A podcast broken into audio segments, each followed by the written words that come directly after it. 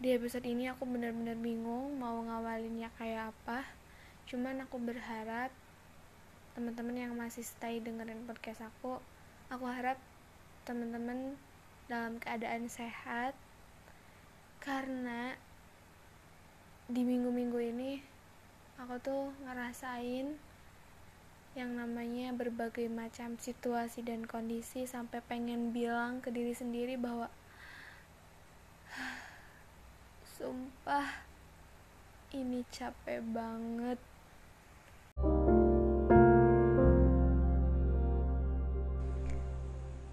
Kenapa aku bilang capek banget?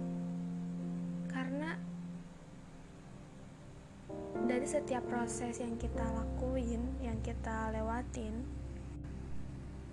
pasti di pertengahan jalan kita akan bertemu di satu titik yang mana kita tuh bener-bener lelah. Lelah mau antara lanjut, istirahat, atau mundur. Dan itu yang aku alamin minggu-minggu ini minggu-minggu yang secara berturut-turut tuh pasti ada aja masalah ada aja situasi yang bikin aku tertekan bikin bikin aku bingung gitu. Mau menyelesaikannya dari mana? Karena beneran gak tahu harus memperbaikinya dari mana dulu. Dan mau gak mau ya kita harus hadapin itu gitu. Dan cerita ini dimulai dari pertama aku berangkat dari Bandung ke kosan aku. Di situ aku memulai perjalanan. Sebenarnya dari berangkat juga udah banyak drama sih. Dari mulai perjalanan menuju halte aku terjebak banjir terus setelah nyampe halte aku nunggu bisnya agak lama setelah nunggu bis nunggu lagi dan ternyata di dalam bisnya padat banget meskipun dalam keadaan pandemi. Dan tidak hanya itu di pertengahan jalan ada lagi masalah yaitu ada kecelakaan. Sebuah truk terguling karena membawa bawaan berat yang akhirnya membuat macet berkilo-kilo sampai kendaraan yang aku tumpang itu selama 3 jam berturut-turut 3 sampai 4 jam lah itu beneran macet total gitu. Majunya cuma dikit-dikit aja. Yang harusnya perjalanan aku dari Bandung ke kosan tuh harusnya ya maksimal 8 jam lah paling lama. Kemarin aku berangkat itu satu hari bisa nyampe eh, sorry maksudnya satu kali perjalanan itu bisa nyampe 12 jam. Dan itu beneran capek karena di dalam situ sangat penuh apalagi yang kursinya 32 itu sangat penuh dan ya kalian mungkin bisa bayangin lah dalam satu bis itu mungkin bisa nyampe 50 penumpang yang mana selama 12 jam itu kalian diem di situ gitu bersama mereka gitu. Ya da dari berbagai usia. Ada yang bayi nangis terus di belakang kursi aku ada yang kakek-kakek yang batuk-batuk terus di pinggir aku itu penumpang sebelah kiri aku. Terus dan macam-macam jenis manusia yang lainnya yang bikin aku capek. Dan ternyata nggak nyampe situ aku nyampe sebelum nyampe kosan itu nyampe di kota tuh aku malam kemudian ternyata hujannya belum sampai situ ada hujan deras sampai aku basah kuyup waktu itu. Akhirnya nyampe kosan basah kuyup. Dan akhirnya malam itu aku bener-bener udah aku mau istirahat gitu kan. Udah mandi udah bersih-bersih kalian istirahat. Besoknya aku buka mata ternyata mataku sedang bermasalah. Mataku iristasi sebelah itu merah banget bengkak gitu. Terus aku mikirnya ya udahlah mungkin kalau merah kayak gini misalnya sehari paling lama sehari dua hari lah nanti hilang. Jadi aku nggak berpikir untuk pakai obat waktu itu. Karena emang uh, dari perjalanan itu tuh selain bikin iritasi di mata aku khususnya tapi juga bikin ya badan capek lah kayak ngedrop gitu kan di perjalanan. Sampai bikin aku mual perjalanan itu berhari-hari sih. Sampai ada mungkin 3 sampai 4 hari. Meskipun perjalanannya udah selesai tapi masih kebawa gitu mualnya. Satu hari itu aku full istirahat di kamar aku gak ngapa-ngapain cuman ya kalau makan nyari makan keluar yang deket-deket yaudah terus besoknya besoknya itu aku coba untuk keluar cari asupan makanan yang menurut aku bisa menghilangkan mual aku. Dan akhirnya aku nemu itu di depan kampus tapi nggak tahu kenapa. Sebenarnya aku udah punya feeling sih pas belum berangkat aku ngaca dulu terus muka aku kayak aduh ini uh, udah pucet banget gitu. Matanya juga gak membaik malah semakin bengkak. Cuman aku kayak ya udahlah gitu. Masih masih kayak mau maklumi diri sendiri padahal itu udah agak parah sebenarnya. Memaksakan keluar dan akhirnya di satu titik aku sampai ngerasa pandangan aku udah mulai kabur aku udah mulai pusing keringet dingin sampai bener-bener mau mungkin aku mau pingsan waktu itu. Mau pingsan cuman tahan banget ditahan-tahan karena aku beneran sendiri kan waktu itu. Aku lagi beli minuman terus aduh udah kaget sebenarnya udah panik banget tapi aku berusaha untuk tetap tenang dan duduk terus minum akhirnya pulang ternyata masalahnya itu nggak sampai situ. Setelah satu minggu itu aku memutuskan untuk istirahat. Tadinya niatnya aku mau bimbingan skripsi karena emang di lagi semester akhir cuman seminggu itu aku coba udahlah istirahat aja gitu. Karena beneran nggak bisa gitu. Dengan kondisi mata aku masih dibiarkan waktu itu akhirnya di hari kelima karena uh, mata aku gak ada membaik-baiknya akhirnya aku memutuskan untuk beli obat. Aku ke mana-mana udah pakai kacamata dan untuk menghindari iritasi sebenarnya. Akhirnya pakai obat dan tidak ada perubahan sama sekali malah bikin ya nambah perih gitu kan. Dibiarkan dua hari terus aku coba ke apotek lagi direkomendasikan obat lain.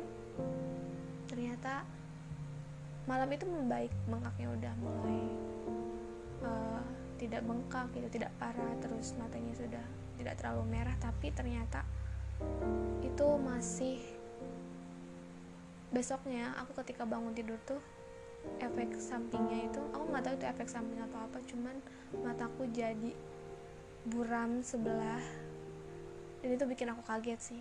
Ketika aku cuci muka karena habis tidur terus aku lihat diri aku di kaca aku kayak yang aneh gitu kayak nggak bisa jelas ngelihatnya. Aku memang min matanya minus tapi nggak nggak separah itu biasanya. Jadi aku kayak nutup mata aku sebelah sebelah yang normal kan sebelah kanan. Itu masih masih jelas kelihatan tapi ketika aku tutup mata yang kanan yang kiri aku tuh bermasalah banget sampai aduh itu bikin aku capek banget sih untuk ngelihatnya akhirnya di situ kayak udah mulai panik dan memberhentikan obat-obatan yang direkom meskipun direkomendasikan oleh apa ya tapi itu gak direkomendasikan oleh dokter.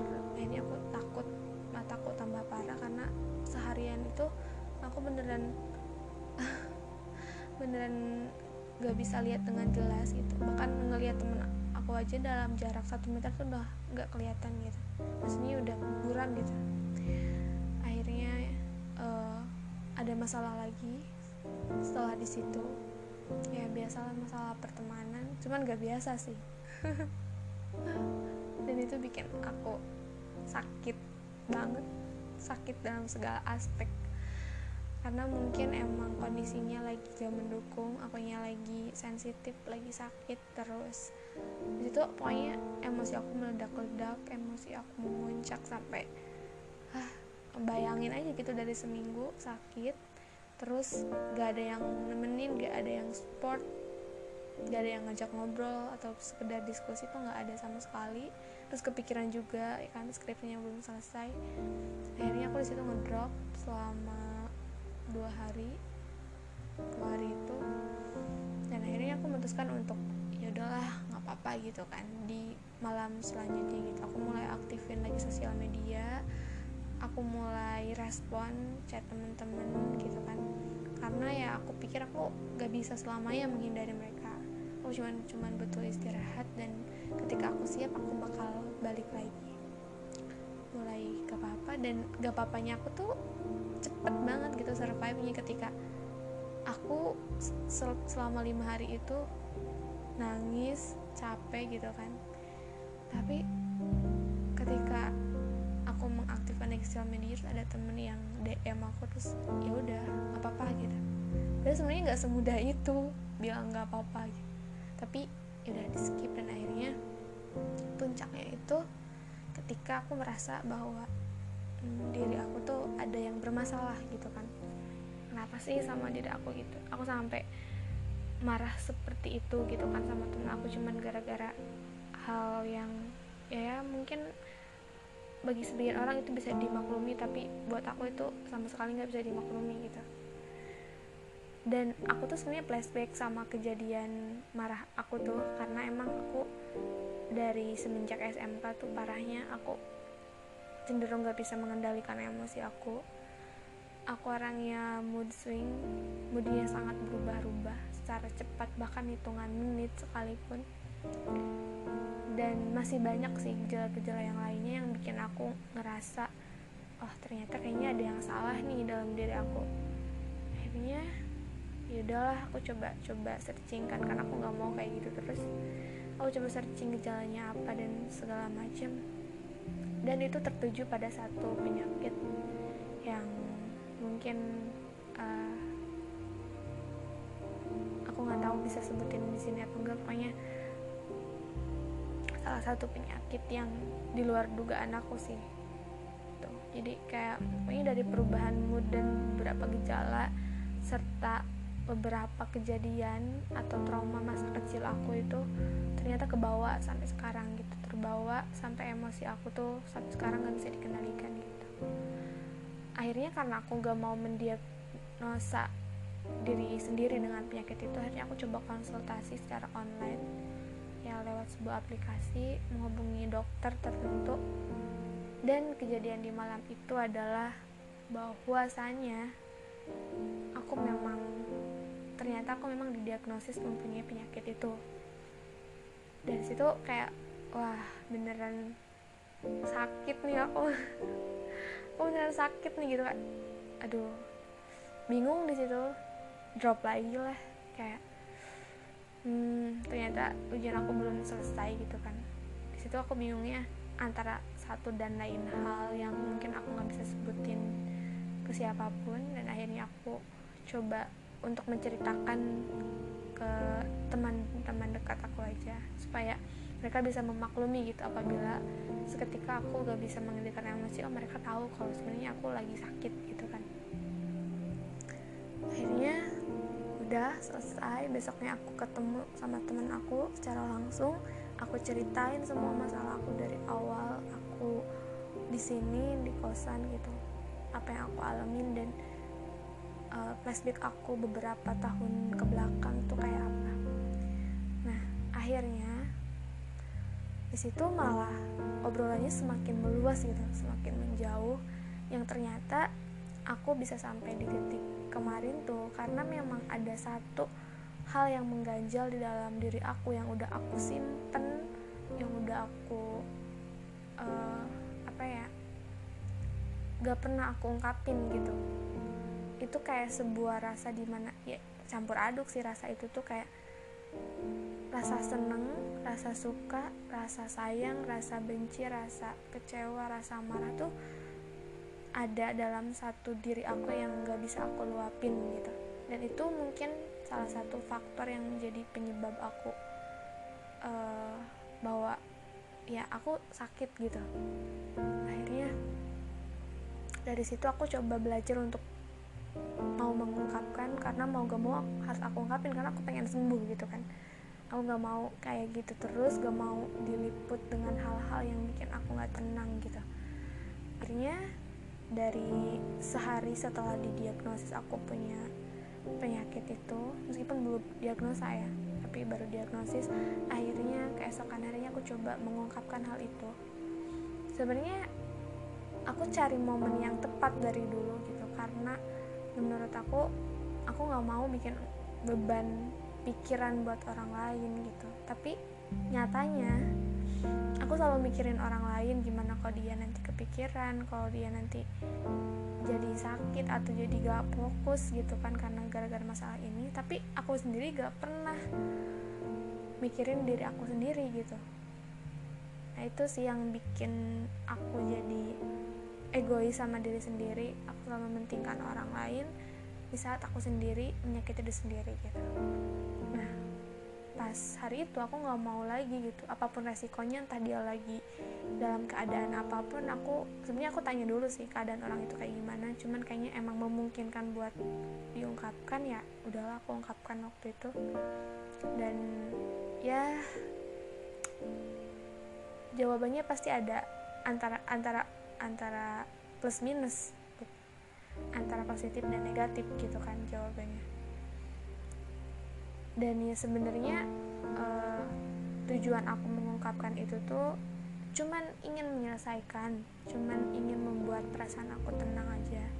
Karena itu sebuah beban yang berat banget di pundak aku yang gak bisa aku luapin karena ada satu hal yang gak bisa satu alasan yang gak bisa aku ungkapin gitu. Akhirnya ya udah aku mencoba ungkapin semua rasa itu yang akhirnya bikin satu ledakan lagi puncaknya gitu. Setelah kemarin satu ledakan besoknya ledakan kedua. Dan itu bikin aku down juga. Aku sampai kayak gemeteran gitu. Aku gemeteran banget uh, mengungkapkan itu sama seperti aku lagi chat dokter sebelumnya gitu. Panik itu cuman entah kenapa ketika selesai mengungkapkan dan emang responnya menurut aku ya mohon apa responnya kurang baik dari orang itu ya hmm, itu membuat aku kayak ya udah cukup gitu. Cukup aku cuman mau menyelesaikan semuanya aku nggak berharap lebih dari apa yang jadi jawaban nanti aku cuman mau menyelesaikan semuanya dan akhirnya ya udah gak dibahas lagi karena aku juga udah menganggap semuanya selesai gitu kan. Ya gak aku pikirin lagi. Nah dari situ kebetulan banget kebetulan banget beberapa jam setelah kejadian itu setelah aku menyelesaikan permasalahan itu dengan diri aku aku nggak tahu kenapa aku nggak bisa nangis waktu itu aku beneran gak, gak mengeluarkan air mata meskipun dalam diri aku berkecamuk bahwa aku emang sedih aku kecewa aku marah aku beneran gak tahu harus kayak gimana gitu. Tapi gak ada satu tetes pun air mata aku jatuh. Aku nggak tahu karena mungkin aku sebelum sebelumnya nangis terus atau emang mungkin uh, mungkin aku udah terlalu banyak mengeluarkan air mata buat orang itu sampai mungkin semesta aja Tuhan aja nggak mengizinkan aku buat menangisi orang itu lagi. Ya mungkin itu di pikiran aku waktu itu jadi aku ambil positifnya.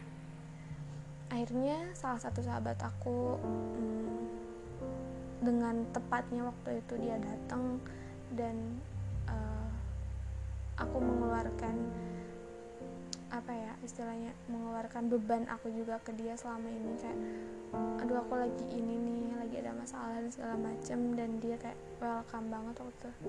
Dan akhirnya dia sangat membantu banget posisinya waktu itu. Sangat membantu sekali gitu. Jadi entah kenapa setelah uh, ungkapan itu ungkapan rasa kekesalan aku dan segala macam rasa itu di keesokan harinya aku tuh ngerasa fresh banget lega banget bahagia banget kayak aku sebelumnya takut kalau ini salah satu termasuk mood swing aku. Aku takut ketika malam aku berkecamuk dengan diri sendiri keesokannya langsung senang gitu langsung bahagia aku takut aku kayak gitu. Cuman setelah aku pikir-pikir aku beneran aku beneran gak apa-apa gitu beneran bukan gak apa-apanya itu bukan karena ada apa-apa itu beneran gak apa-apa gitu. Akunya senang akunya bahagia gitu kan di hari itu. Dan aku coba nggak tahu kenapa ada pikiran untuk merubah diri menjadi lebih baik untuk jadi uh, pokoknya intinya aku mau setelah aku menyelesaikan permasalahan itu ya udah aku mulai dengan kehidupan aku yang baru aku mulai buka buku baru dan lembaran baru gitu. Jadi mungkin waktunya emang harus dari sekarang gitu aku mikirnya. Akhirnya aku mulai fokus mengerjakan kewajiban aku udah mulai sering ke kampus udah mulai bolak-balik bimbingan kan menyelesaikan kewajiban aku karena sebenarnya itu tugas aku tuh. Dari sana aku berpikir oh ternyata ini gitu. Rasa sakit ini yang mesti dikeluarkan dan akhirnya sedikit demi sedikit sembuh gitu. Bahkan mungkin nggak sedikit banyak yang sembuhnya gitu. Karena yang dikeluarkannya juga banyak gitu yang sakitnya banyak. Maka ketika kita mengeluarkan semuanya yang sembuhnya juga nggak main-main gitu. Akhirnya meskipun capek waktu itu sih bolak-balik tapi ada hasil lah dari apa yang aku lakuin.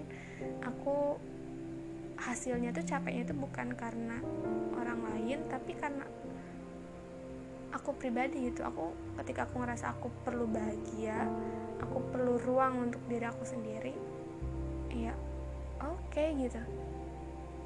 Semuanya tersedia gitu. Ketika kita mengizinkan dan mengosongkan pikiran dan perasaan kita untuk hal-hal baik, hal-hal baru setelah kita mengeluarkan segala bentuk kekecewaan ya pasti yang datang akan berbentuk kebahagiaan gitu. Sama dan akhirnya aku uh, setelah proses itu ternyata ada satu hal lagi yang bikin aku hmm, aku nggak tahu sih harus bilang ini sejelas apa cuman uh, ada satu orang intinya yang bikin aku lebih baik jadi pokoknya ada satu orang yang hmm, dia tuh datangnya pas banget gitu pas aku lagi jatuh. Dan dia coba membangkitkan aku coba menerima aku. Dan dia bilang bahwa uh, yaudah kamu jalan dulu aja prosesnya gitu kan. Akhirnya aku mau menjalani itu semua dan hmm, orang itu sangat membantu banget sih buat aku. Sangat sangat membantu dalam proses kesembuhan aku meskipun dia tahu karakter aku kayak gimana dulu tapi dia benar-benar mau jadi bahu lah buat aku bersandar gitu. Aku ngerasa senang banget di situ ada support system baru aku. Dan dari sana mungkin aku percaya lagi bahwa hmm, akan ada orang baru yang mungkin uh, apa ya perannya menggantikan orang sebelumnya. Dan itu bikin aku lebih baik gitu kan. Aku nggak bilang kalau orang yang sebelumnya itu kurang baik atau gimana. Gak setiap orang tuh pembelajaran buat aku. Pembelajaran berubah aku menjadi lebih dewasa lebih disiplin lebih apa pun gitu yang aku mau. Cuman ya kadang aku tuh bingungnya ketika aku ada di titik terberat aku. Ketika aku udah coba memberikan seluruh apa ya seluruh uh, harapan-harapan aku ke orang itu aku coba untuk survive gitu aku coba untuk memberikan yang terbaik lah intinya. Tapi seketika jawabannya hmm, apa ya respon sorry bukan jawaban. Responnya kurang berkenan di hati aku. Aku udah kayak wah udah gitu. Aku kayak gak mau memperpanjang lagi karena udah cukup gitu udah cukup ke mana kayak gitu dan akhirnya ya bagaimanapun titik temunya di situ gitu kan. Oke lah aku coba lewatin satu persatu gitu. Aku bakal sembuh aku yakin aku bakal sembuh dari semuanya gitu. Uh, sampai akhirnya satu lagi yang bermasalah adalah uh, mataku tuh masih iritasi masih sakit. Hmm, akhirnya aku coba konsul ke dokter gitu kan dan uh, ternyata hasilnya seperti yang tidak diharapkan lagi. Uh, fisik aku mata aku khususnya emang iritasinya udah udah agak parah gitu kan. Aku dikasih resep obat yang lumayan cukup banyak dan uh, beruntungnya aku aku punya keluarga yang selalu support aku. Jadi akhirnya mereka mau bantu aku gitu kan. Udah nggak apa jalanin aja dulu gitu. It's okay. Dan uh, ya mungkin di episode sebelumnya aku pernah bilang gak apa-apanya aku tuh pasti ada apa-apanya gitu kan. Tapi mulai hari kemarin itu ketika aku bilang gak apa-apa aku tuh beneran gak apa-apa. Gak ada hal yang aku sembunyiin gak ada sesuatu hal yang salah yang terjadi gitu kan. Gak ada. Aku beneran plong gitu aja kayak aku gak apa-apa. Ya it's okay beneran oke okay gitu. Bukan it's okay to not be okay. Gak beneran baik-baik aja. Malah aku sembuh gitu kan. Tuh intinya panjang banget episodenya. Uh, intinya pesan yang aku sampaikan di episode ini adalah kadang Tuhan tuh kasih orang dan tempat baru bukan hanya sekedar untuk senang-senangnya saja tapi juga ada bentuk lainnya gitu. Ada bentuk kecewanya pembelajarannya sedihnya dan yang lainnya. Dan kadang Tuhan tuh menitipkan orang dan tempat baru itu gak lama hanya sementara hanya sebagai pembelajaran di mana nanti kita akan beranjak dari tempat dan orang itu untuk menemui orang baru menemui menempatkan diri di tempat yang baru untuk mempelajari hal-hal baru juga. Seperti itu. Dan ya aku berterima kasih banyak buat orang yang berperan dalam proses pendewasaan aku. Ya hmm, yang namanya kecewa sih pasti ada ya tiap orang. Cuman aku nggak terlepas dari diri aku pribadi aku juga merasa bahwa aku salah juga gitu kan. Gitu. Jadi ya kita sama-sama mengevaluasi diri sama-sama mengerti keadaannya kayak apa dan coba belajar dari kesalahan. Jangan diulang gitu. Itu aja sih. Terus uh, pesan kedua stay healthy jaga kesehatan teman-teman sekalian karena itu kunci utamanya. Karena aku aja nih gara-gara sebelah mata aku sakit aku jadi nggak bisa melakukan aktivitas dengan sempurna.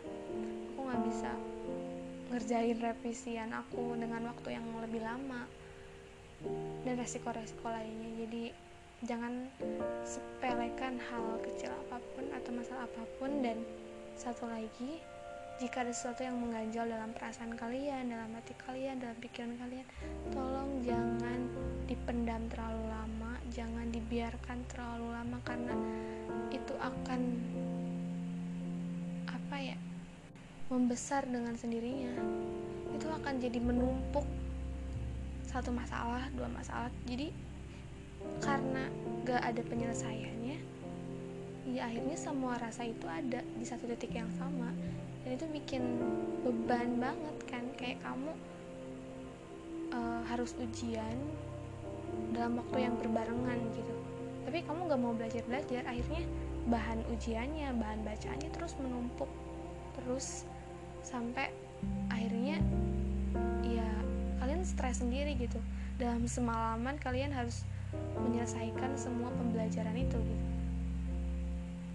Jadi intinya kalau ada permasalahan coba pikirkan dengan uh, pikiran yang baik. Uh, aku yakin sih kita bisa gitu. Meskipun dalam waktu yang singkat kita harus menyelesaikannya gitu. It's okay nggak apa-apa. Terima kasih. Masih mendengarkan sekali lagi. Terima kasih juga pada orang-orang yang memberikan aku banyak pembelajaran dalam kehidupan. Aku nggak marah tapi yang namanya rasa kecewa itu nggak bisa dihindari. Karena itu naluri ya sih. Itu mungkin ada sedikit aja sih. Tapi udah kalau soal dendam nggak ada sama sekali. Marah nggak ada. Pokoknya yaudah. Aku bakal hapus sisa kecewa itu. Gitu, secara perlahan. Satu-satu sembuh. Mari kita sama-sama tumbuh. Oke okay, bye bye